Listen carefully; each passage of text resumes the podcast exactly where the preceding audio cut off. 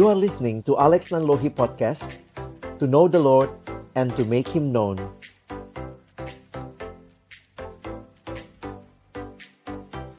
Mari teman-teman sekalian kita berdoa sebelum kita akan membaca merenungkan firman Tuhan. Kita berdoa. Kami datang dalam ucapan syukur kepadamu Tuhan. Terima kasih hari ini Tuhan beri kesempatan kami kembali boleh menikmati pembinaan ini. Kami sama-sama akan membuka firman-Mu ya Tuhan. Kami mohon bukalah juga hati kami. Jadikanlah hati kami seperti tanah yang baik, supaya ketika benih firman-Mu ditaburkan boleh sungguh-sungguh berakar, bertumbuh, dan juga berbuah nyata di dalam hidup kami. Tuhan berkatilah baik hambamu yang akan menyampaikan firman-Mu, setiap kami akan mendengarkan, dan juga interaksi di antara kami dalam tanya jawab nanti biarlah makin menolong kami. Bukan hanya memahami firman, tetapi juga memberlakukannya di dalam keseharian kami, secara khusus di dalam panggilan pelayanan yang Tuhan berikan kepada kami. Waktu ke depan kami persembahkan ke dalam tangan pengasihan-Mu. Mari Tuhan Engkau yang memimpin kami semua di dalam nama Tuhan Yesus kami berdoa. Amin. Shalom, selamat malam teman-teman sekalian. Pertama saya bersyukur boleh melayani malam hari ini dan kita akan sama-sama melihat satu topik yang penting. Saya akan share screen ya. Uh, abang siapkan bagian yang kita sama-sama akan renungkan. Kita akan bicara tentang gospel shape services ya. Nah, saya ingin mengajak kita untuk nanti melihat ada dua bagian. Mungkin yang pertama saya akan jelaskan dulu apa artinya gospel shape. Lalu yang kedua kita akan bicara konsep pelayanan secara khusus yang diwarnai dengan gospel ini, ya. Nah, uh, saya pikir mungkin ini bukan hal yang asing kalau kita bicara apa itu Injil karena waktu bicara tentang apa itu Injil, pertanyaan what is the gospel, kita langsung menjawabnya ya Injil adalah berita sukacita. Nah, tapi ini merupakan satu istilah the gospel itu bukan istilah uh, murni kekristenan ya. Maksudnya ini malah dipinjam oleh penulis-penulis Alkitab dari sebuah konteks pada waktu itu secara khusus di kekaisaran Romawi di mana ketika ada prajurit yang berperang di medan pertempuran melawan mungkin bangsa lain, maka ketika kemenangan diperoleh, maka ada yang akan membawa pulang kabar kemenangan itu dan kabar kemenangan itulah yang disebut sebagai good news ya berita baik berita sukacita. Jadi yang membawanya disebut sebagai pembawa kabar sukacita atau kita boleh pakai istilah kita penginjilnya dan beritanya itu sendiri adalah berita tentang kemenangan ya kemenangan yang disampaikan. Jadi kalau lihat dalam bahasa Yunani dipakai istilah evangelion. Evangelion sendiri ya itu yang tadi Abang bilang ini bukan istilah uh, khas kekristenan pada awalnya ini adalah istilah yang bahkan dipakai di dalam kekaisaran Romawi untuk berita kemenangan yang dibawa ya. Nah, sehingga kalau kita perhatikan memang penghayatan kita kepada berita sukacita ini yang penting untuk kita memahami sebenarnya apa sih Injil itu, bagaimana berita itu membentuk kita. Contoh ya, kalau saya bawa berita, teman-teman UI meniadakan uang kuliah misalnya. Itu beritanya ya. Tetapi bagaimana berita itu shape our life Nah, itu uh, another story ya. Nah, ini yang kita mau sama-sama pahami bahwa ada sebuah berita di mana berita itu akan membawa perubahan, membentuk pola hidup kita. Contoh misalnya ya, kalau kalian adalah anak yang berjuang untuk bisa bayar kuliah. Maaf, ini contoh saja. Jadi kamu kerja, ngelesin, pulang kuliah ngelesin, weekend ambil job tambahan supaya bisa bayar kuliah gitu ya. Nah, tiba-tiba ada berita, beritanya adalah nggak ada uang kuliah lagi. UI membebaskan uang kuliah. Maka itu pertama beritanya berita sukacita, Tapi kemudian ada pola hidupmu yang mungkin berubah karena berita itu. Jadi misalnya kamu langsung berhenti ngajar, kamu berhenti cari duit lagi tambahan, kamu berhenti ngelesin. Kenapa? Karena udah digrat, udah digratisin, udah dibayarin gitu dari kampus ya.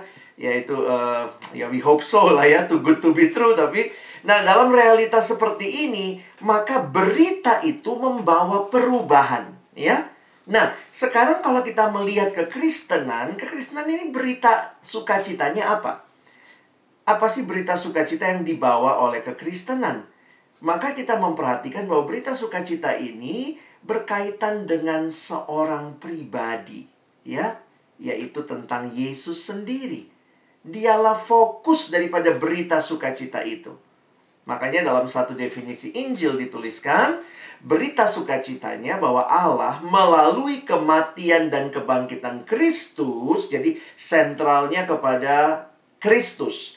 Kalau bicara Kristus, apanya yang lebih sentral lagi? Nanti kalau kita belajar lebih jauh tentang Injil, maka sebenarnya Injil mencakup seluruh pribadi Kristus. Tetapi lebih difokuskan lagi kepada kematian dan kebangkitan Kristus. Karena itu yang very very um, apa ya unik sangat unik berbeda dengan yang lainnya. Semua pendiri agama punya hari kelahiran semua pendiri agama juga memang punya hari kematian tapi Yesus menarik sekali bahwa fokus Alkitab bicara tentang Yesus itu berfokus kepada kematian dan kebangkitan Kristus.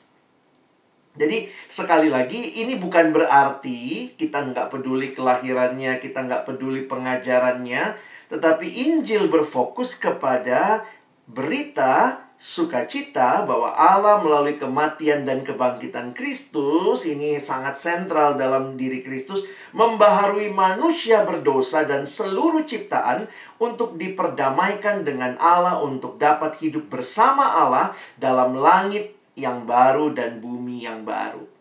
Nah, jadi teman-teman kalau memperhatikan definisi ini jadi menarik ya untuk melihat ini sebuah berita sukacita yang berfokus kepada seorang pribadi yang difokuskan lagi kepada peristiwa yang unik dalam hidupnya yaitu kematian dan kebangkitannya yang membawa pengaruh bukan hanya bagi individu tetapi bagi seluruh ciptaan.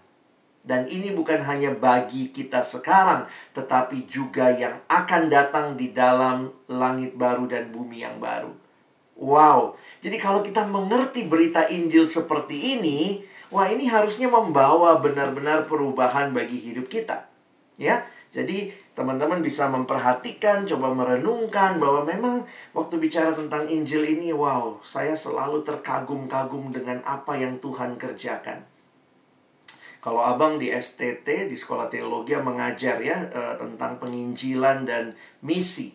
Nah saya uh, satu semester itu ya membahas tentang Injil, implikasinya dan seterusnya. Jadi memang kalau mau dibicarakan sungguh-sungguh luar biasa anugerah Allah yang diperoleh, diterima oleh kita di dalam Kristus. Jadi fokus kepada kematian dan kebangkitan Kristus.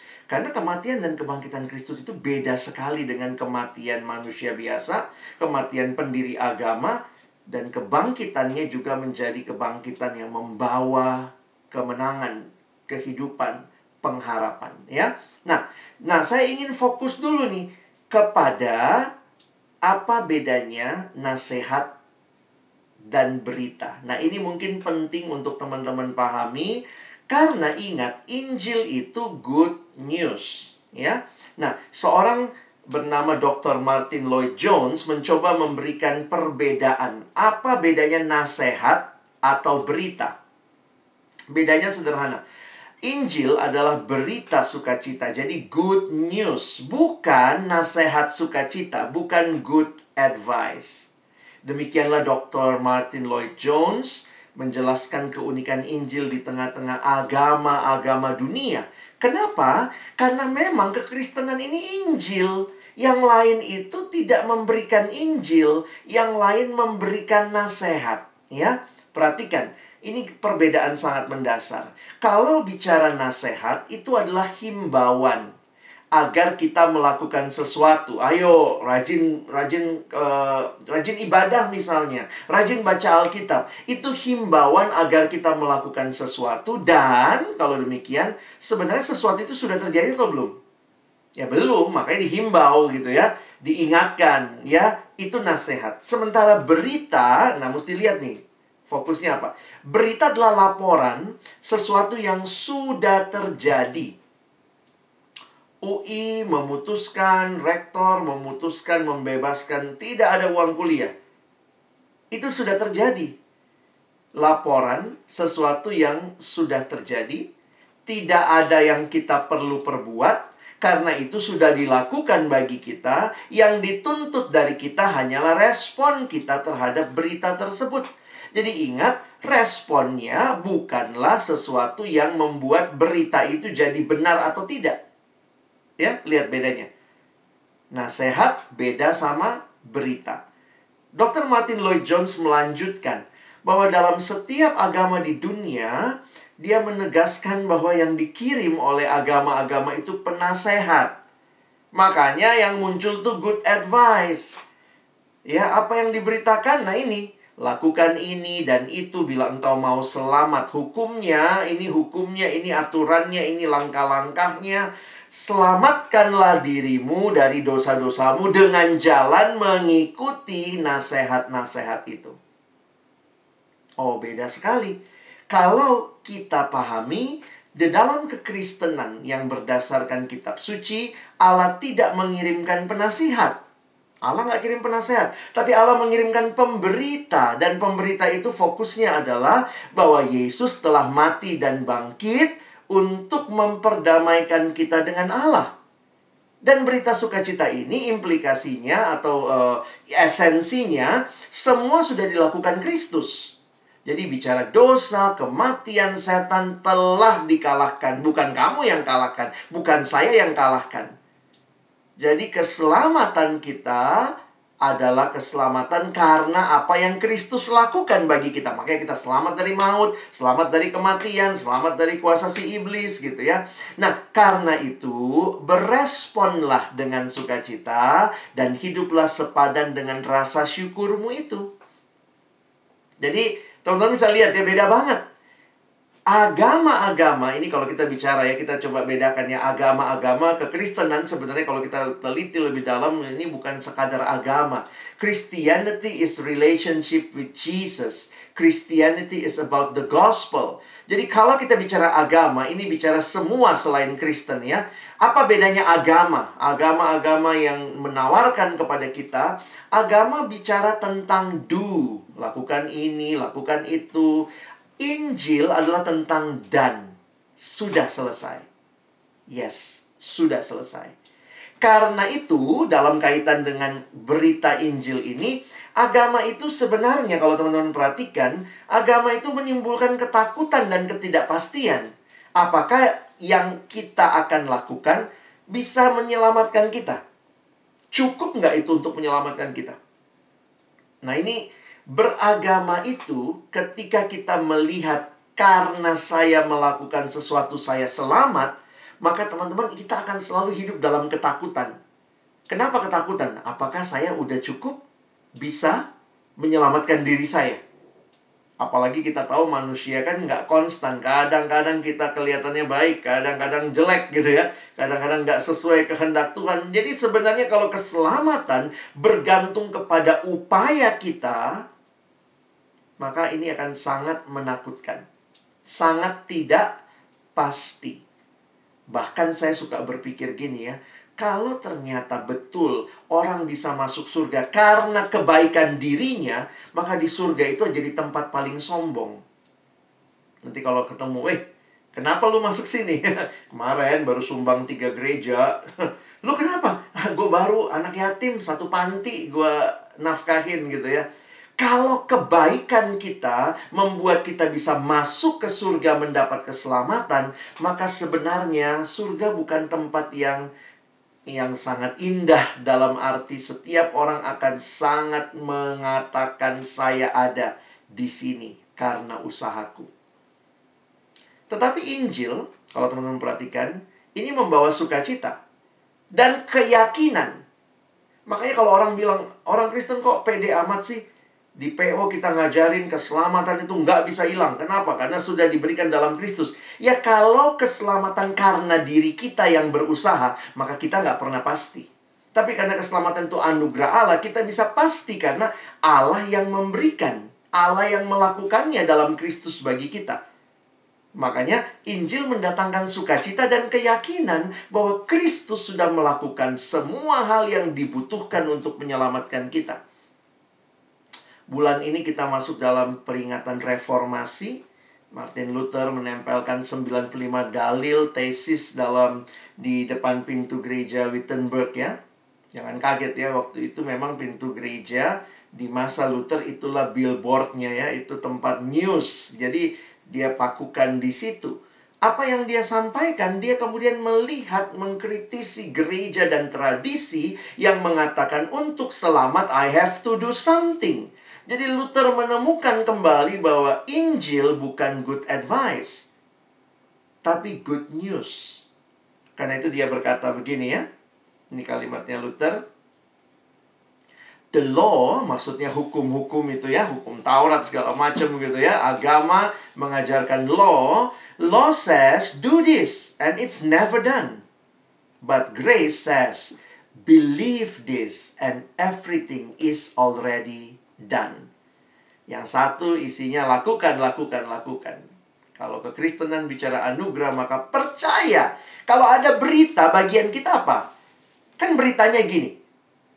Yesus sudah mati dan bangkit buat menyelamatkan kamu. Itu kan berita. Ya percaya, bukan Hah, apa yang saya harus lakukan? Bukan apa yang harus kamu lakukan. Yesus sudah lakukan buat kita. UI mengatakan ke keluar peraturan rektor yang ditandatangani bulan lalu bahwa semua mahasiswa gratis uang kuliah. Kamu jangan berpikir, saya harus lakukan apa? Saya harus lakukan apa supaya itu jadi kenyataan? Itu sudah kenyataan. Poinnya adalah kamu percaya atau tidak gitu ya. Nah, jadi di dalam kekristenan dan kepercayaan lain ini sangat berbeda. Karena keselamatan dalam kepercayaan lain adalah percaya pada kemampuan diri sendiri untuk memperoleh keselamatan. Sementara di dalam kekristenan, keselamatan adalah bicara percaya pada apa yang Yesus sudah lakukan bagi kita. Nah, jadi teman-teman ini sangat-sangat membedakan. Jadi saya harus menantang kalian semua untuk kembali mengevaluasi kekristenanmu. Apakah kekristenanmu dibangun di atas dasar Injil, bukan sekadar atau bukan seperti orang-orang beragama yang fokusnya kepada advice.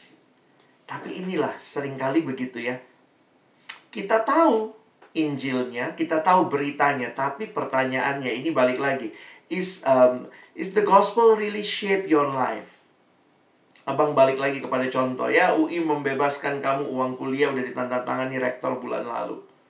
Kamu selama ini ngajar, ngajar, ngajar, cari tambahan, Sabtu Minggu mungkin harus kerja part time supaya dapat duit. Begitu dapat berita itu, pertanyaannya begini. Apakah kamu berubah dalam kehidupanmu? Will the gospel shape your life? Nah, ini yang menarik untuk kita perhatikan bahwa kalau akhirnya kita mengerti Injil, maka sebenarnya Injil itu bukan hanya untuk orang yang belum bertobat. Kadang kita pikir, oh dia belum bertobat, perdengarkan Injil. Oh Yesus Kristus mati dan bangkit buat kamu. Prang, dia percaya Yesus, selesai. Tetapi ternyata kalau kalian mempelajari lebih dalam, Injil itu buat setiap kita yang percaya sampai hari ini. Jadi kekristenan bukan hanya dimulai oleh Injil lalu kemudian diikuti oleh hidup pribadi, tetapi kekristenan bicara dimulai oleh Injil dan bagaimana Injil itu terus menerus membentuk hidup kita. Makanya kalimat ini saya tuliskan buat kita, Injil bukan hanya bagi orang-orang yang belum percaya atau non-Christian, tetapi juga untuk orang percaya. Wow, maksudnya apa, Bang? Saya sudah percaya sama Injil, yes. Tapi kamu harus, di sini saya tuliskan, sebagai orang percaya kita perlu terus mempelajari Injil. Dan lebih jauh lagi, menerapkan Injil tersebut dalam kehidupan kita sehari-hari. Harusnya benar-benar Injil itu membentuk hidup kita. Jadi bukan hanya beritanya kita dengar, kita percaya di awal perjalanan rohani kita, tetapi bagaimana berita itu terus membentuk kita. Nah, karena itulah tema-tema seperti yang kita bicarakan malam ini penting nih. Not only the ministry, the service, wah kita bicara pelayanan malam ini, tapi pertanyaannya apakah pelayananmu dibentuk oleh Injil? Jadi, bagaimana Injil itu membentuk hidupmu dan terus sedang kamu hidupi sebuah hidup yang makin selaras dengan Injil. Loh bang, dari mana dasarnya? Saya mau kasih kalian dasarnya malam ini, kenapa pemahaman ini jadi penting. Jadi kalau kalian perhatikan, kenapa saya katakan Injil itu bukan hanya untuk orang yang baru bertobat, tapi juga untuk orang yang bahkan sudah percaya. Salah satu kisah di Alkitab yang menarik adalah di dalam Galatia pasal 2 ayat 11 sampai 14. Sedikit latar belakang kitab Galatia, secara khusus Paulus berbicara tentang pentingnya Injil itu dan Injil yang harus membentuk kehidupan manusia, kehidupan jemaat. Pada waktu itu ada pengajaran yang menambahkan kepada Injil khususnya dalam konteks Galatia ada pengajar sesat yang disebut dengan Judaizer. Orang-orang Yahudi Kristen yang kemudian pengajarannya adalah begini. Ada Injil, ada. Yesus sudah mati dan bangkit buat kamu. Tapi dia tambah another good advice. Jadi merasa Injil nggak cukup. Sehingga mereka mengajarkan apa? Kamu mesti disunat. Jadi keselamatan itu Yesus plus sunat. Yesus aja nggak cukup, harus pakai sunat lagi. Nah, inilah yang kemudian Paulus melakukan apa ya, uh, memperingati mereka melalui surat Galatia. Dan ini surat yang sangat tegas. Kalau kalian lihat bahkan tidak ada ucapan syukur. Dalam surat Rasul Paulus yang lain itu ada bagian ucapan syukur ya. Khusus Galatia begitu masuk langsung dia ngomong, Aku heran itu ayat 6 ya. Jadi kalau di surat lain dia bilang aku bersyukur gitu ya. Di, di surat Galatia kayaknya Paulus langsung masuk ke inti permasalahan. Aku heran. Kenapa kamu begitu lekas berbalik dari Injil? Injil yang aku sampaikan. Kira-kira begitu ya. Jadi Paulus mau mengatakan kenapa ada Injil lain yang ternyata bukan Injil. Kamu menambahkan good advice. Nah, ada satu kisah yang ditulis di Galatia yang menarik untuk kita simak. Ini sebenarnya pertentangan antara Paulus dengan Petrus. Kita lihat kisahnya ya. Galatia 2, 11 sampai 14. Abang bacakan. Tetapi waktu Kefas atau Petrus datang ke Antioquia, aku berterang-terangan menentangnya. Uh, hebat nih Paulus ya. Kefas itu Petrus ya. Sebab ia salah. Wow. Petrus rasul dari kantor pusat dari Yerusalem. Dia datang ke Antioquia waktu itu Paulus Barnabas juga melayani di Antioquia awalnya ya. Nah, kita lihat ayat 12. Karena sebelum beberapa orang dari kalangan Yakobus datang, ia si Petrus maksudnya makan sehidangan dengan saudara-saudara yang tidak bersunat. Tetapi setelah mereka datang, ia mengundurkan diri dan menjauhi mereka karena takut akan saudara-saudara yang bersunat. Jemaat Antioquia ini jemaat internasional pertama. Di jemaat Antioquia banyak orang-orang non-Yahudi yang jadi Kristen. Nah, jadi kemudian datanglah orang kantor pusat ngecek, bener nggak nih yang terjadi? Nah, waktu datang, ternyata Awalnya Petrus waktu masih dia sendiri kayaknya yang datang, dia masih mau makan tuh sama saudara-saudara yang tidak bersunat. Tiba-tiba datang orang Yahudi lain yang Kristen dari kantor pusat Yerusalem, eh Petrusnya jadi mengundurkan diri dan menjauhi mereka karena takut akan saudara-saudara yang bersunat. Nah, lihat kalimat Paulus ya, ayat selanjutnya. Dan orang-orang Yahudi yang lain pun turut berlaku munafik dengan dia sehingga Barnabas sendiri turut terseret oleh kemunafikan mereka. Tetapi waktu kulihat bahwa kelakuan mereka itu tidak sesuai dengan kebenaran Injil, aku berkata kepada Kefas di depan di hadapan mereka semua. Wis berani ya ini kutipan langsung. Jika seorang jika engkau seorang Yahudi hidup secara kafir dan bukan secara Yahudi, bagaimana engkau dapat memaksa saudara-saudara yang tidak bersunat untuk hidup secara Yahudi? Jadi kalimatnya menarik ya Paulus langsung ke inti permasalahan dan dia mengatakan ini yang ditulis di ayat 13. Petrus munafik. Wih, teman-teman kaget saya waktu baca ini pertama kali ya karena bayangkan loh ini Petrus loh ya udah udah rasul rasul besar begitu ya. Dia soko guru jemaat. Perhatikan ayat 14 baik-baik. Ayat 14 lihat kalimat Paulus. Tetapi waktu kulihat bahwa kelakuan mereka itu tidak sesuai dengan kebenaran Injil jadi lihat lihat ya kamu bisa sudah Kristen, bisa sudah percaya Yesus, bisa sudah terima Yesus, sudah percaya Injil. Tetapi ternyata bukan di situ akhir hidup Kristenmu. Hidup Kristen kita harus dibentuk oleh Injil itu. Supaya senantiasa hidup kita sesuai dengan kebenaran Injil. Bayangkan orang seluar biasa seperti Petrus pernah tidak hidup sesuai dengan kebenaran Injil paling tidak dituliskan di kitab Galatia ini. Tonton bisa lihat nggak? Bahwa Injil bukan hanya dibutuhkan waktu baru bertobat. Tapi sepanjang hidup kita, harusnya Injil itu membentuk hidup kita. Kita harus hidup sesuai dengan kebenaran Injil. Jadi, kalau Paulus aja menyatakan demikian, Petrus aja harus hidup sesuai dengan kebenaran Injil, ya apalagi kita begitu ya.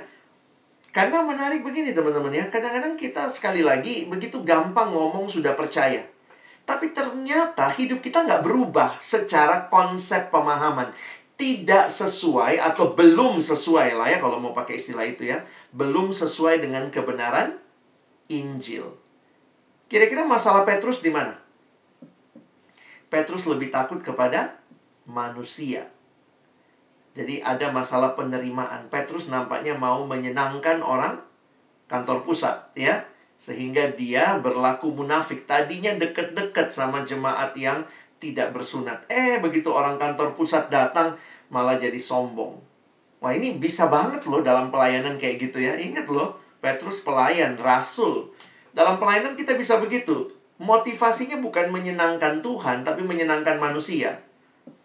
Apalagi ada orang yang suka apa ya? Dalam pelayanan juga ada pansos. Ada panjat sosial. Kalau tahu-tahu anak bawang begitu tahu-tahu dideketin sama pengurus harian UI UI ini wah dia dia dia seuniversitas loh kepengurusannya.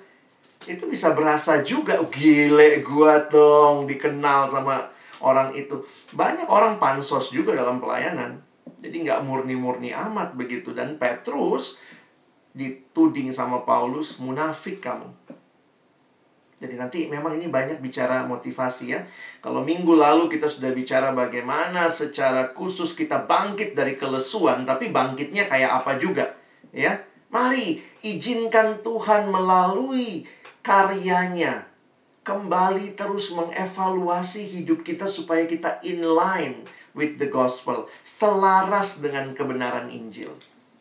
Dalam ayat yang lain yang saya temukan nanti teman-teman bisa baca di Filipi pasal pertama ayat 27 sampai 30 juga muncul kalimat ini. Sekali lagi, di dalam kitab Filipi, Paulus menuliskan kepada jemaat yang sudah percaya. Gereja Filipi dimulai melalui pelayanan misi Paulus waktu dia melayani di dalam perjalanan misinya yang kedua. Itulah awal dia memulai gereja di Filipi. Bisa dilihat di kisah Rasul pasal 16. Tetapi waktu dia tulis surat kepada mereka yang sudah percaya ini, kalimatnya apa? Hanya hendaklah hidupmu berpadanan dengan Injil. Berpadanan dengan Injil Kristus supaya apabila aku datang aku melihat, apabila aku tidak datang aku mendengar dan seterusnya dan seterusnya.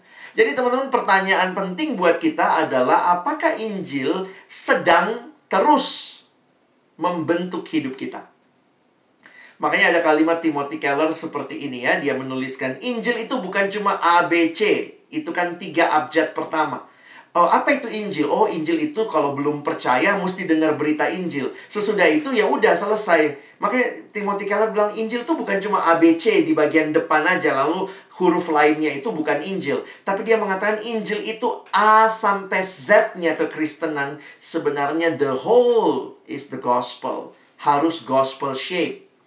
The gospel is not just the minimum required doctrine necessary to enter the kingdom. Ini bukan cuma syarat supaya bisa masuk kerajaan surga. Injil bukan cuma bicara ini loh, awalnya masuk kerajaan surga harus percaya Yesus, tetapi the way we make all progress in the kingdom, seluruh hidup kita dalam kerajaan Allah harusnya shaped by the gospel. We need to have a life, the gospel centered life, the gospel shaped life. Abang kasih contoh lah ya. Saya pernah dengar guru sekolah minggu nih, ya. Guru sekolah minggu ngajar nih ya. Ini kan anak-anak yang diajar ya. Nah ini guru sekolah minggu, sudah lama mengajar, udah terima Yesus guru sekolah minggu. Tapi waktu dia ngajar, tiba-tiba pengajarnya gini. Adik-adik, kita harus rajin belajar, kita harus rajin eh, baca Alkitab, kita harus rajin ke gereja, kita harus berbuat baik sama orang tua, hormati, kita harus taat sama bapak ibu guru, kita harus sayang teman, supaya kita jadi anak Tuhan. Benar nggak itu? Kok untuk jadi anak Tuhan yang diberikan adalah good advice. Ini listnya, do this, lakukan ini, lakukan ini, lakukan ini, lakukan ini, supaya jadi anak Tuhan. Bukan itu kekristenan. Itu agama seberang. Itu yang mereka ajarkan, lakukan, lakukan, lakukan supaya selamat. Nanti di sana ditimbang-timbang mana yang lebih berat. Oh, oke lah kamu selamat karena lebih banyak kebenaranmu. Kalau demikian ini bukan kekristenan. Kekristenan tidak bicara seperti itu. Bagaimana engkau dan saya jadi anak Tuhan? Ya pandang salib itu ada seorang pribadi yang mati buat kita dan dia menyelamatkan kita, itu beritanya. Dia mati dan bangkit buat kita. Sekarang apa respon kita? Percaya. Kan kita dengar dia mati buat kita. Oh, dia bisa bawa kita ke surga. Nah, sekarang apa nih respon kita? Ya percaya, iya iya saya percaya Hanya engkau yang bisa bawa saya ke surga Itu kekristenan Makanya kita disebut orang percaya Tapi memang yang paling sulit kita lakukan tuh percaya itu sendiri karena kita selalu merasa harus ada andil kita. Kayaknya nggak cukup kalau Yesus yang lakukan buat kita. Kita mau ada andil kita dalam keselamatan. Masa cuma percaya selamat? Ini Jakarta, Bung. Pipis aja bayar. Jadi kadang-kadang merasa, hah keselamatan tuh gratis. Roma pasal 3 bilang cuma-cuma. Memang keselamatan gratis, tapi ingat, ini tidak gratisan. Misalnya abang kasih kamu laptop baru. Wah, saya kasih kamu laptop. Saya beli 20 juta. Wah, 20 juta saya beli, saya kasih sama kamu. Terus waktu kamu dapat gitu. Ini hadiah bang? Iya. Mesti bayar nggak? Ya enggak lah namanya hadiah. Jadi ini gratis bang? Iya gratis. Gratis buat kamu. Siapa yang bayar harganya? Ya abang ya. Saya yang bayar harganya. Demikian juga dengan keselamatan. Kita terimanya gratis, tapi itu tidak pernah gratisan. Karena untuk engkau dan saya diselamatkan harganya, yaitu anak tunggal Allah. Yang sungguh darahnya itu tidak bernilai. Tidak bisa diukur dengan perak atau emas, kata Petrus. Darah yang mahal, yang menyelamatkan kita. Jadi sebenarnya gini teman-teman ya. Begitu kita tidak percaya sama Yesus, kita bahkan mungkin menambahkan Oh, untuk selamat perlu Yesus. Bener bang, mesti Yesus. Tapi plus saat teduh, plus doa, plus perbuatan baik. Berarti kamu merendahkan karya salib. Mengatakan apa? Salib nggak cukup. Harus plus dos, uh, harus plus doa, plus saat teduh. Ingat ya, keselamatan bukan karena perbuatan kita. Lalu di mana kekristenan menempatkan perbuatan? Kekristenan tidak membuat tidak membuang perbuatan baik, tapi kekristenan menempatkannya sebagai respon dari hidup yang diselamatkan, ya. Bukan syarat untuk mendapat keselamatan. Jadi bukan syarat, tapi uh, perbuatan baik adalah respon. Jadi kita bukan rajin saat teduh supaya selamat, rajin saat teduh supaya masuk surga, rajin berdoa, rajin datang PO, rajin ber-PJ supaya masuk surga. Bukan. Tapi karena karya Kristus yang kamu percaya dan membawamu masuk surga, masuk dalam kehidupan kekal, maka responmu doa saat teduh itu respon. Jadi kita nggak buang doanya, nggak buang saat teduhnya, tapi kita sadar itu bukan cara untuk mendapatkan keselamatan. Jadi saya harap kita jelas banget sama hal ini ya. Nah, ini abang kasih beberapa kalimat-kalimat yang bisa menolong kita rethinking. Apakah gospel sudah shape hidup kita? Ya, ini tadi kita udah pelajari. Agama adalah tentang apa yang harus kami lakukan. Injil apa yang Yesus lakukan di atas kayu salib. Agama berkata, jika kami memaksa diri taat pada Allah, dia akan mengasihi kami. Kenapa ya? Kadang-kadang kita suka pikir gitu. Makin taat kita, Tuhan makin sayang sama kita. Itu bukan cara pikir Injil. Karena cara pikir Injil, bahkan waktu engkau belum taat, kamu sudah dikasihi. Di mana ayatnya? Ada Roma 5 ayat 8. Ketika kita masih berdosa, Yesus sudah mati buat kita. Jadi kau tambah saat teduhmu jadi empat kali sehari, lima kali sehari, tidak bikin tambah cintanya Tuhan sama kamu. Karena cinta Tuhan di kayu salib buat kamu sudah full di awal. Bukan karena berapa kali kau saat teduh. Oh, jadi pengurus PO, oh, supaya Tuhan tambah sayang sama kamu. You miss the point. Tuhan sudah sayang sama kamu. Tapi saya tambah bang, saya tambah rajin doa, rajin saat teduh. Sekarang saya disiplin rohaninya. Dulu saat teduh saya cuma sekali bang, sekarang tiga kali sehari. Oh Tuhan makin sayang sama saya. Kalau begitu cara pikirmu, berarti ketaatanmu membuat Tuhan makin mengasihimu. Berarti awalnya Tuhan kurang mengasihi. Berarti kita harus kasih sesuatu supaya Tuhan mengasihi kita. Bukan begitu kekristenan. Bahkan waktu kita masih berdosa, kita masih belum bisa taat, Tuhan sudah mengasihi kita. Karena itu, jangan dibalik ketaatanmu, ketaatanku tidak menambah cintanya Tuhan buat kita. Karena dia sudah cinta kita luar biasa di kayu salib. Nah, lihat cara berpikirnya. Kalau dia sudah cinta kamu luar biasa, ayolah saat teduh. Ayolah kalau perlu tiga kali sehari, ayolah. Tapi itu beda ya. Sikapnya adalah I want to, I want to give to him. I want to have a relationship with him. Bukan supaya dia makin sayang saya, no.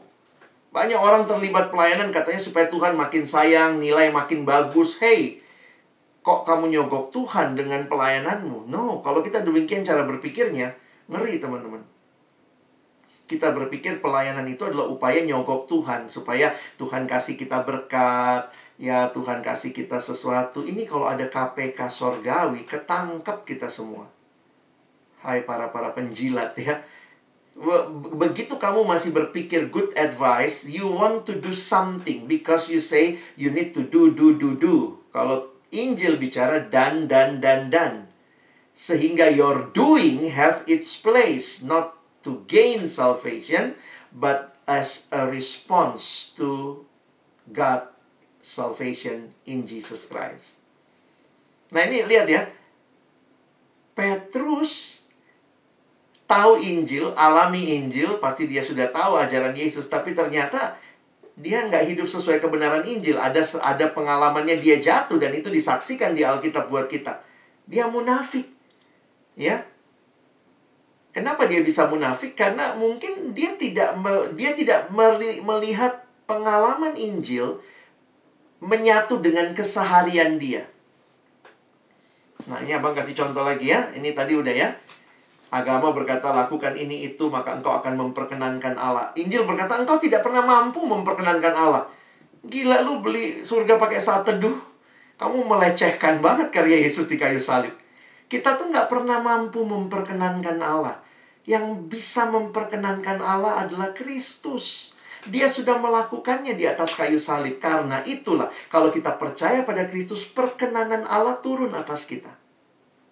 Bukan karena kita, tapi karena Kristus. Jadi sikap terhadap keselamatan. Agama selalu yang tadi ya, abang bilang, bikin bimbang, nggak jelas ini. Cukup nggak ya saat teduh saya ya? Cukup nggak ya doa saya ya? Jadi selalu kalau itu keselamatan karena upayamu, kamu terus bimbang. Karena kami tidak pernah tahu apakah perbuatan kami sudah cukup untuk memperkenan Allah. Tetapi Injil membuat kami yakin, bukan kepedean. Makanya kalau dibilang, nih, kok yakin banget sih? Yesus Tuhan dan Juru Selamat, kamu pasti masuk surga. Lah, bukan kita yang sok yakin karena Yesus sudah lakukan buat kita. Maka kalau saya percaya pada dia, saya ada dalam kebenarannya Kristus. Tidak bersandar pada perbuatan kita, tapi pada karya Kristus di atas kayu salib, satu kali untuk selamanya. Nah, sekarang kita masuk sebentar ya, karena waktu kamu melayani, kamu akan fokus melihat orang lain. Ya, bagaimana cara pandang terhadap orang lain yang dibentuk oleh Injil? Coba, kalau di dalam dunia ini ada berapa jenis orang? Kalau kita bagi dua ya, sering kali kita bilang, oh di dunia ini ada dua macam nih. Ada orang baik, sama ada orang jahat. Gitu kali ya. Terus ditanya, teman-teman, kalau ditanya dunia ini ada orang baik sama orang jahat, kamu memasukkan dirimu di yang mana? Kamu orang baik atau orang jahat gitu ya? Ini cara pikir yang sebenarnya bukan gospel shape way of looking at others. Bukan begitu. Karena begitu kamu merasa diri kamu baik, pertanyaannya, yang bikin kamu merasa baik apa? Jangan-jangan karena kamu melakukan hal yang baik. Saya rajin saat teduh, saya anak gereja, saya anak PO, saya pengurus. Begitu kamu bilang kamu baik karena hal-hal itu, maka ingat. Kamu miss the point of the gospel. Jadi menarik ya, cara pandang yang tepat bagaimana kalau begitu? Karena begitu kamu merasa diri baik, kamu pasti look down sama orang yang tidak sebaik kamu. Makanya dia sih nggak saat teduh. Dia nggak rajin, nggak mau jadi pengurus sih. Jadi itu cara-cara pikir yang merasa aku lebih baik karena aku do this, this, this, this. Dan dia less important, less good than me because he didn't do, uh, he doesn't do this, this, this, this. Ini cara pandang yang tepat. Agama berkata dunia dipenuhi dengan orang baik dan orang jahat. Injil berkata dunia dipenuhi orang jahat yang belum bertobat dan orang jahat yang sudah bertobat pada Yesus. Jadi kalau lihat yang lain jahat, apa respon kita? Begitu kamu kategorikan, weh aku baik dong, lebih baik dari kamu, dia. We miss the point. Tapi waktu lihat orang yang jahat, yang belum bertobat, sebenarnya kita bisa lihat, aku juga dulu sama. Aku nggak lebih baik dari dia. Dan kalau aku ada sekarang ini karena anugerah Tuhan. Dan mari beritakan Injil supaya dia juga kenal Yesus. Kamu gak akan sombong lihat dirimu lebih baik. Kalau kamu rajin saat teduh sekarang selalu ingat Tuhan saya ini orang jahat yang diselamatkan. Yang menyelamatkan bukan perbuatan baik saya tapi karyamu Tuhan. Dan waktu saya lihat dia, saya lihat orang lain, saya lihat anak kelompok kecil saya yang belum hidup sungguh-sungguh dalam Tuhan. Saya lihat mereka yang belum bersaat teduh, belum berdoa, belum hidup di dalam persekutuan dengan Tuhan. Saya tidak akan merasa saya lebih baik dan dia lebih buruk. Tapi saya akan punya belas kasihan yang besar dan doa yang tulus Tuhan. Biarlah mereka kenal engkau sebagaimana aku kenal engkau. Saya tidak lebih baik dari mereka. Kalau bukan anugerah Tuhan, mungkin kamu bisa lebih jahat dari orang orang itu. Oh, cara pikir seperti ini harus membentuk kita. Kalau enggak nanti kita pelayanan tuh banyak orang yang sombong sih dengan pelayanan ya. Langsung ngerasa, "Weh, gue pelayan nih. Saya saya lebih tinggi tingkatannya dari yang lain." Makanya Tuhan Yesus tuh bisa memberikan teladan melayani itu yang makin merendahkan diri, makin merendahkan diri. Dunia selalu berpikir pelayanan itu makin naik, makin naik, makin naik. Dulunya asyir, aksir kolektan, tiba-tiba eh direkrut jadi panitia. Tiba-tiba direkrut lagi. Jadi di kampus tuh kadang-kadang kayak karir ya, naik-naik gitu ya. Direkrut jadi panitia Natal, panitia Pasca. Eh, diminta jadi pengurus. Wih, Kemudian nggak lama lagi nanti jadi pengurus, jadi ketua seksi apa. Terus nanti kemudian jadi tim inti. Uh, kalau udah tim inti tuh kayak cuma setingkat di bawah Yesus gitu ya. Kita melihat makin naik, makin naik, makin naik. I'm good, I'm doing better, better, better. Tapi Yesus memberikan teladan, dia turun, turun, turun jadi hamba. Nah, kalau kita nggak bisa menempatkan diri dengan tepat, we miss the point. Bagaimana sikap terhadap diri sendiri? Nah, ini tadi ya.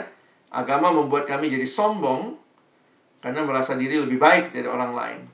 Atau kalau kita nggak sebaik orang lain, kita putus asa. Karena comparison kita orang lain. Dan apa yang dibangkitkan dari perasaan itu, biasanya saya mau lakukan lebih baik. Saya mau lakukan lebih baik. Balik lagi, bukan berinjil, tapi beragama. Injil itu membuat kita rendah hati, teman-teman. Sebab dosa kita begitu luar biasa jahat sampai Yesus harus mati buat kita. Tapi pada saat yang sama kita bersuka cita. Karena dia mau mati bagi kita. Dia rela mati bagi kita. Nah, ini poin kita sebenarnya di sini ya. Tapi ya, saya pikir saya harus jelaskan semua itu. Bagaimana dalam pelayanan? Agama selalu mendatangkan rasa bersalah di hati kami karena semakin keras kami berusaha memenuhi tuntutan Allah, semakin kami merasa tidak mampu. Sementara Injil mendatangkan rasa syukur di hati kami karena kehidupan, kematian, dan kebangkitan Kristus memampukan kami untuk memenuhi tuntutan Allah. Nah, saya pikir kalau kita pelayanan dengan hati yang sukacita, bukan rasa bersalah, nah ini beda banget. Apalagi kalau kamu masuk lebih jauh menyadari bahwa Allah adalah fokus utama dalam pelayanan kita. Jadi bukan diri kita. Kalau diri kita fokus utamanya all the glory to me. Tapi karena Allah fokus utamanya all the glory to God. Semboyan reformasi selalu diakhiri dengan SDG, Soli Deo Gloria. Pelayanan adalah anugerah Allah. Siapa yang mulai pelayanan ini?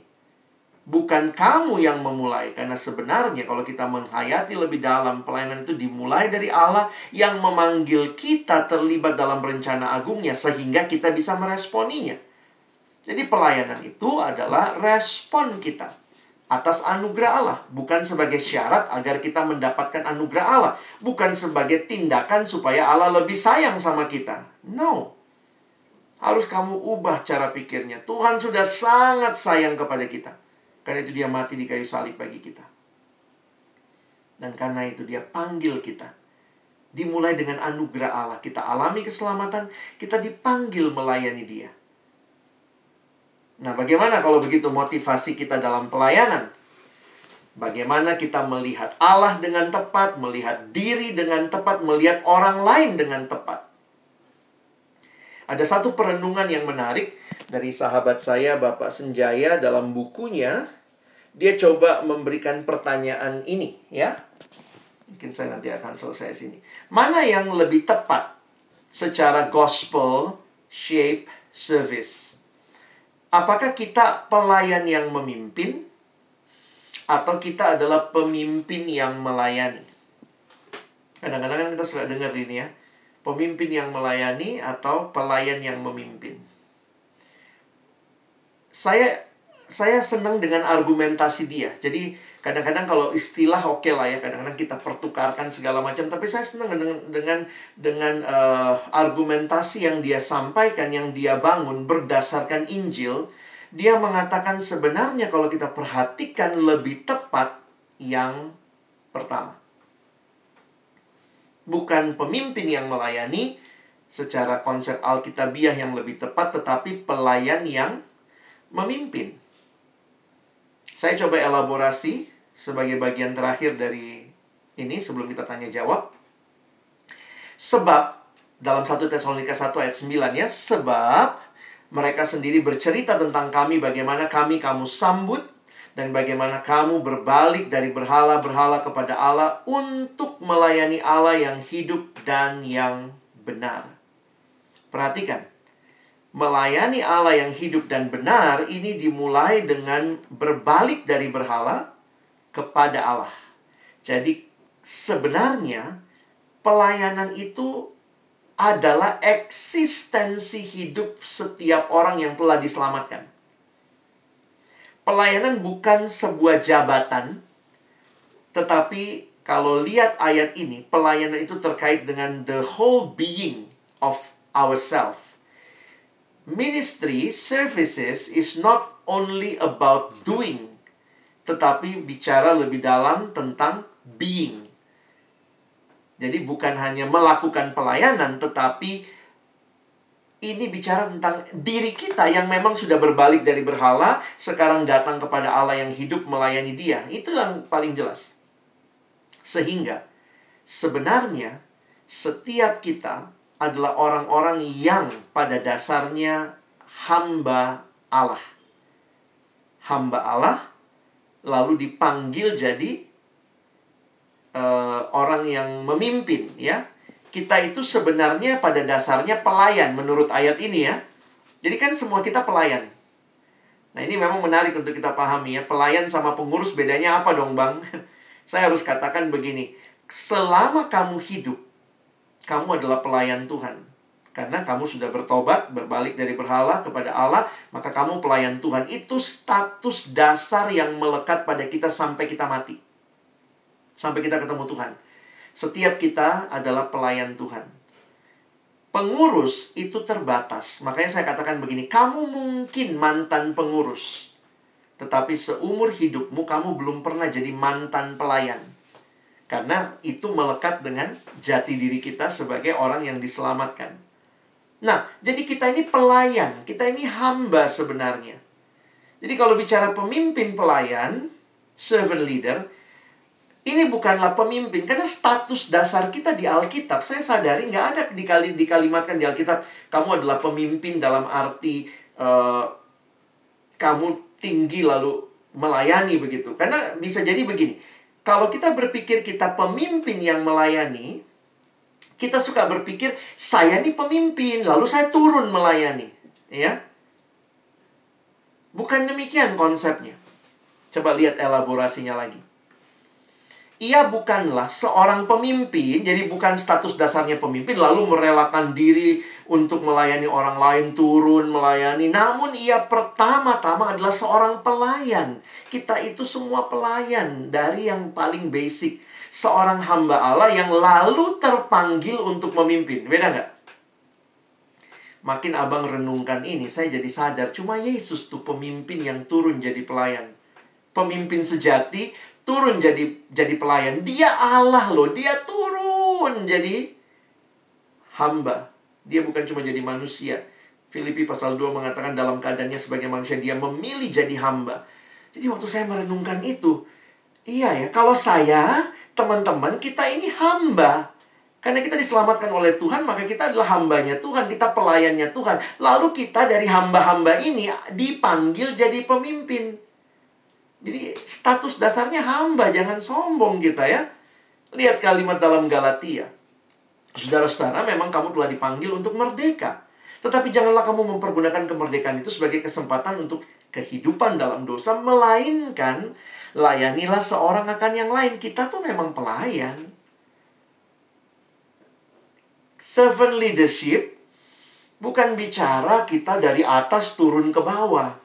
Saya masih melihat banyak pengurus sombong. Saya pun sadar saya gampang sekali sombong. Apalagi kalau kita sudah melakukan hal-hal besar, kita pikir kita udah berjasa. Jadi memang dibentuk oleh kebenaran Injil itu seumur hidup, teman-teman. Karena kadang-kadang kita gagal, kayak Petrus tuh tahu-tahu gagal munafik, lagi mau menyenangkan orang. Kenapa buat dia orang itu ada yang sekelas dengan dia, ada yang lebih rendah kelasnya. Kalau begini berarti kita jadi rasis juga, kita jadi orang yang memandang SSE, status sosial ekonomi, itu gampang sekali kita jatuh dalam hal-hal seperti itu. Tapi Injil terus membentuk kita. Inline lagi dengan the gospel ya. Karena itu kesimpulan dari Bapak Senjaya dalam bukunya yang saya sangat senang adalah kesimpulan ini sebagai slide terakhir saya. Memimpin adalah melayani. Namun melayani belum tentu memimpin. Yang tidak mau melayani tidak boleh dan tidak berhak memimpin karena status dasarnya pelayan. Sementara pemimpin adalah pelayan. Namun pelayan, kita kan semua pelayan, tapi kan nggak semua jadi pengurus di PO kan? Jemaatmu itu pelayan, kamu pelayan, kamu pelayan yang dijadiin pengurus, dijadiin pemimpin. Namun pelayan belum tentu pemimpin, ada yang bukan pemimpin. Yang menarik adalah yang tidak rela menjadi pelayan, tidak layak menjadi pemimpin. Kiranya pemahaman ini menolong teman-teman benar-benar dibentuk oleh Injil supaya waktu engkau membentuk orang lain, Tuhan percayakan melayani orang lain. Kita punya fokus yang jelas, kita punya mata rohani yang melihat mereka sebagai orang-orang yang butuh anugerah Allah. Dan lihat hidupmu, kau tidak lebih baik dari mereka. Kamu pun sama, kita pun sama. Kita mau beritakan Injil yang akan membawa mereka hidup berubah dan akhirnya kita terus bisa punya kerendahan hati. Karena kalau aku boleh melayani, ini semua adalah anugerah Tuhan. Pelayanan kita memberitakan Injil. Kegigihan kita melayani, kerja keras kita melayani. Itu adalah respon. Karena kasih Allah sudah terlalu indah kita alami. Kiranya Tuhan menolong kita. Bukan cuma jadi pendengar firman. Tapi jadi pelaku firman. Amin.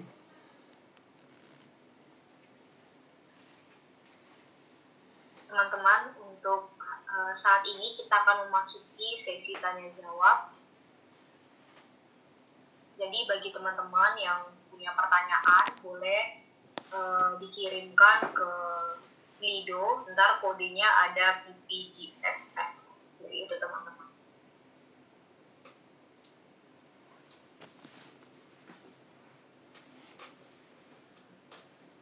Oke, jadi mm -hmm. ini uh, sudah ada beberapa pertanyaan yang masuk. Yep.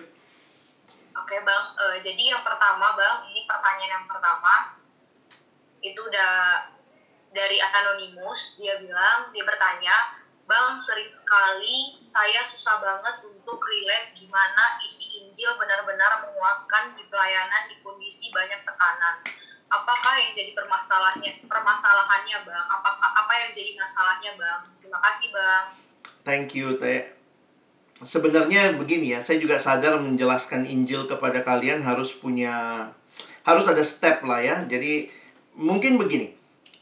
Lihatlah pergumulan karena setiap kita kan pasti punya permasalahan dasar di mana itu sebenarnya terkait dengan apa yang ada di hati kita. Ada orang yang sangat tertekan dengan penilaian orang terhadap dia. Misalnya ya, dia merasa jadi ketika misalnya uh, dia di PO nih ya, dikritik seksinya. Kamu misalnya seksi acara, dikritik seksi acaranya, kamu yang merasa tersinggung gitu ya. Nah, orang-orang ini kan berarti dia melihat hidupnya adalah pelayanan, menyatu dia dengan pelayanan termasuk harga dirinya dia tempatkan dalam pelayanan. Nah ini kan kalau kita lihat gimana gospel menjawab itu. Harga dirimu bukan karena apa yang kau lakukan, tetapi siapa kamu di dalam Kristus. Jadi jangan tertekan. Kalau kamu melayaninya jelek, orang evaluasi, kamu harusnya bersyukur, mintanya bilang say thank you. Kalau betul yang dia sampaikan, maka kita berubah harusnya. Tapi kalau tidak betul ya mungkin kita juga tidak usah tidak usah membuktikan diri karena apa? penerimaanmu bukan berdasarkan apa kata orang, tapi apa kata Tuhan. Jadi poinnya abang begini, kalau kalian punya pergumulan tertekan dalam pelayanan, bagaimana si Injil membebaskan? Maka lihat dulu, apa masalah utamamu? Kamu masalah tertekan kah sama penilaian orang kah? Tertekan sama dirimu sendiri? Kadang-kadang ada juga dari kita yang dirinya selalu bilang, aku kurang baik, aku masih kurang baik, aku masih kurang baik. Ingat ya, kalau begitu pun ternyata itu nggak sedang dibentuk oleh Injil. Karena kita merasa saya harus do something supaya saya lebih baik. Karena saya masih belum merasa cukup ketika Kristus mengasihi saya. Saya sudah diterima oleh Allah. Itu bukan alasan untuk tidak memperbaiki diri. Tetapi Injil memberikan kita dasar yang teguh untuk membangun diri yang lebih baik. Nah, jadi uh, Injil memang benar-benar harus menguatkan kita asal kita tahu nih masalahku di mana. Saya beberapa kali ngalamin, misalnya jadi sombong dalam pelayanan, ya. Ketika jadi sombong dalam pelayanan, ternyata waktu dicari lebih dalam, saya mencari penerimaan orang.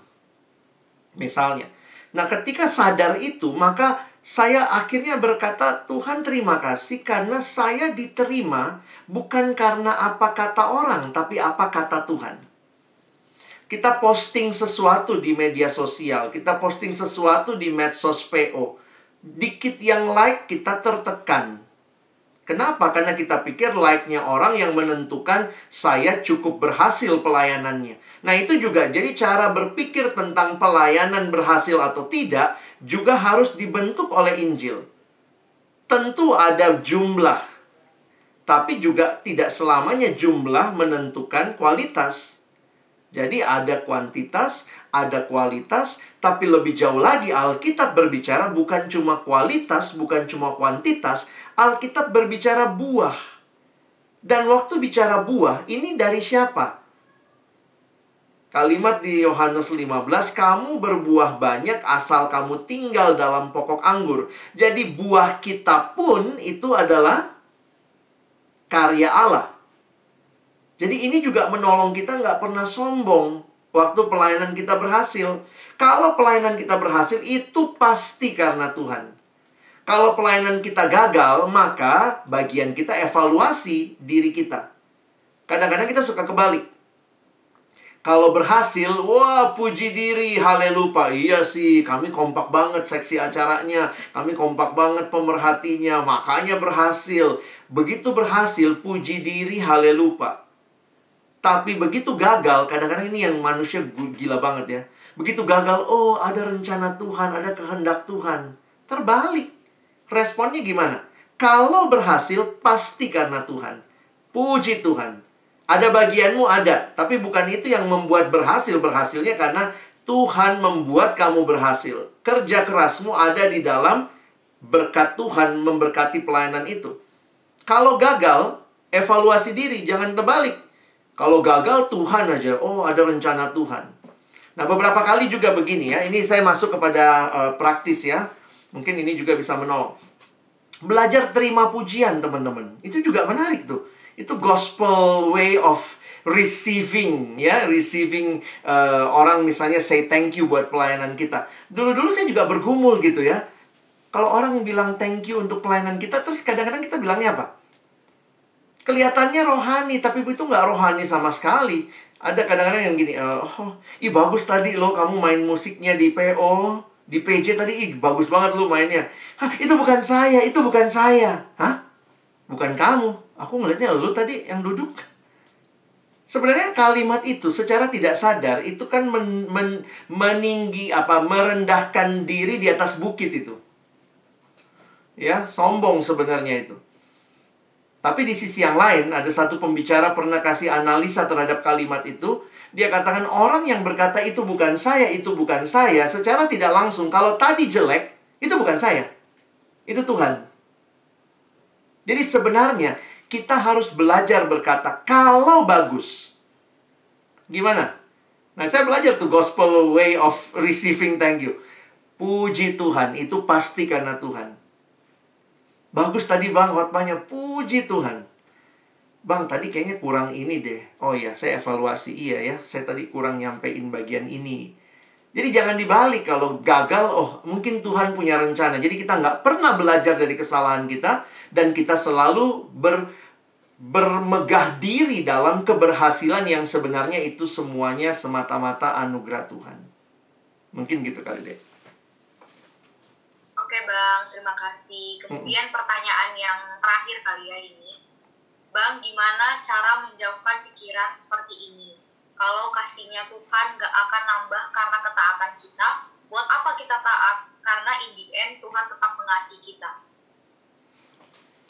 Ini cara pikir yang menarik dan banyak dimiliki orang yang juga dianalisa oleh Paulus.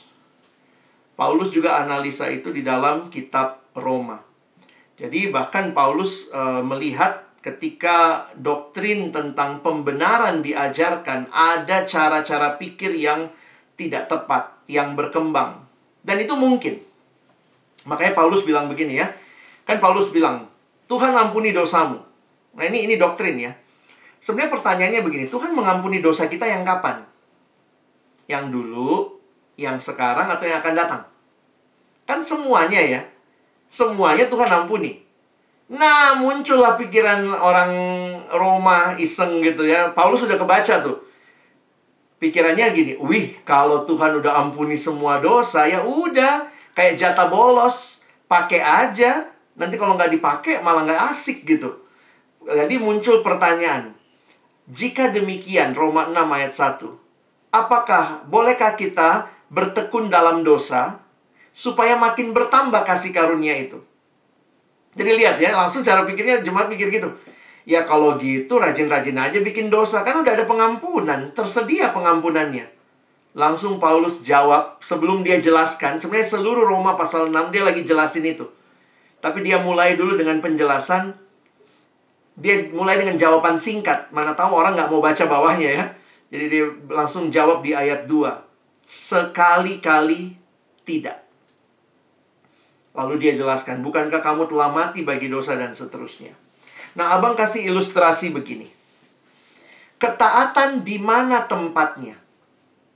Sebenarnya kita bisa berpikir begini ya. Saya kasih ilustrasi misalnya di rumah, kamu tinggal sama bapak mama di rumah dan di rumah itu ada benda yang sangat mama sayang. Mama seneng punya satu vas bunga. Wih, ini katanya antik dari Cina. Dulu opung yang bawa dari Cina itu ya. Wih, ini pokoknya luar biasa. Vas bunga antik ini.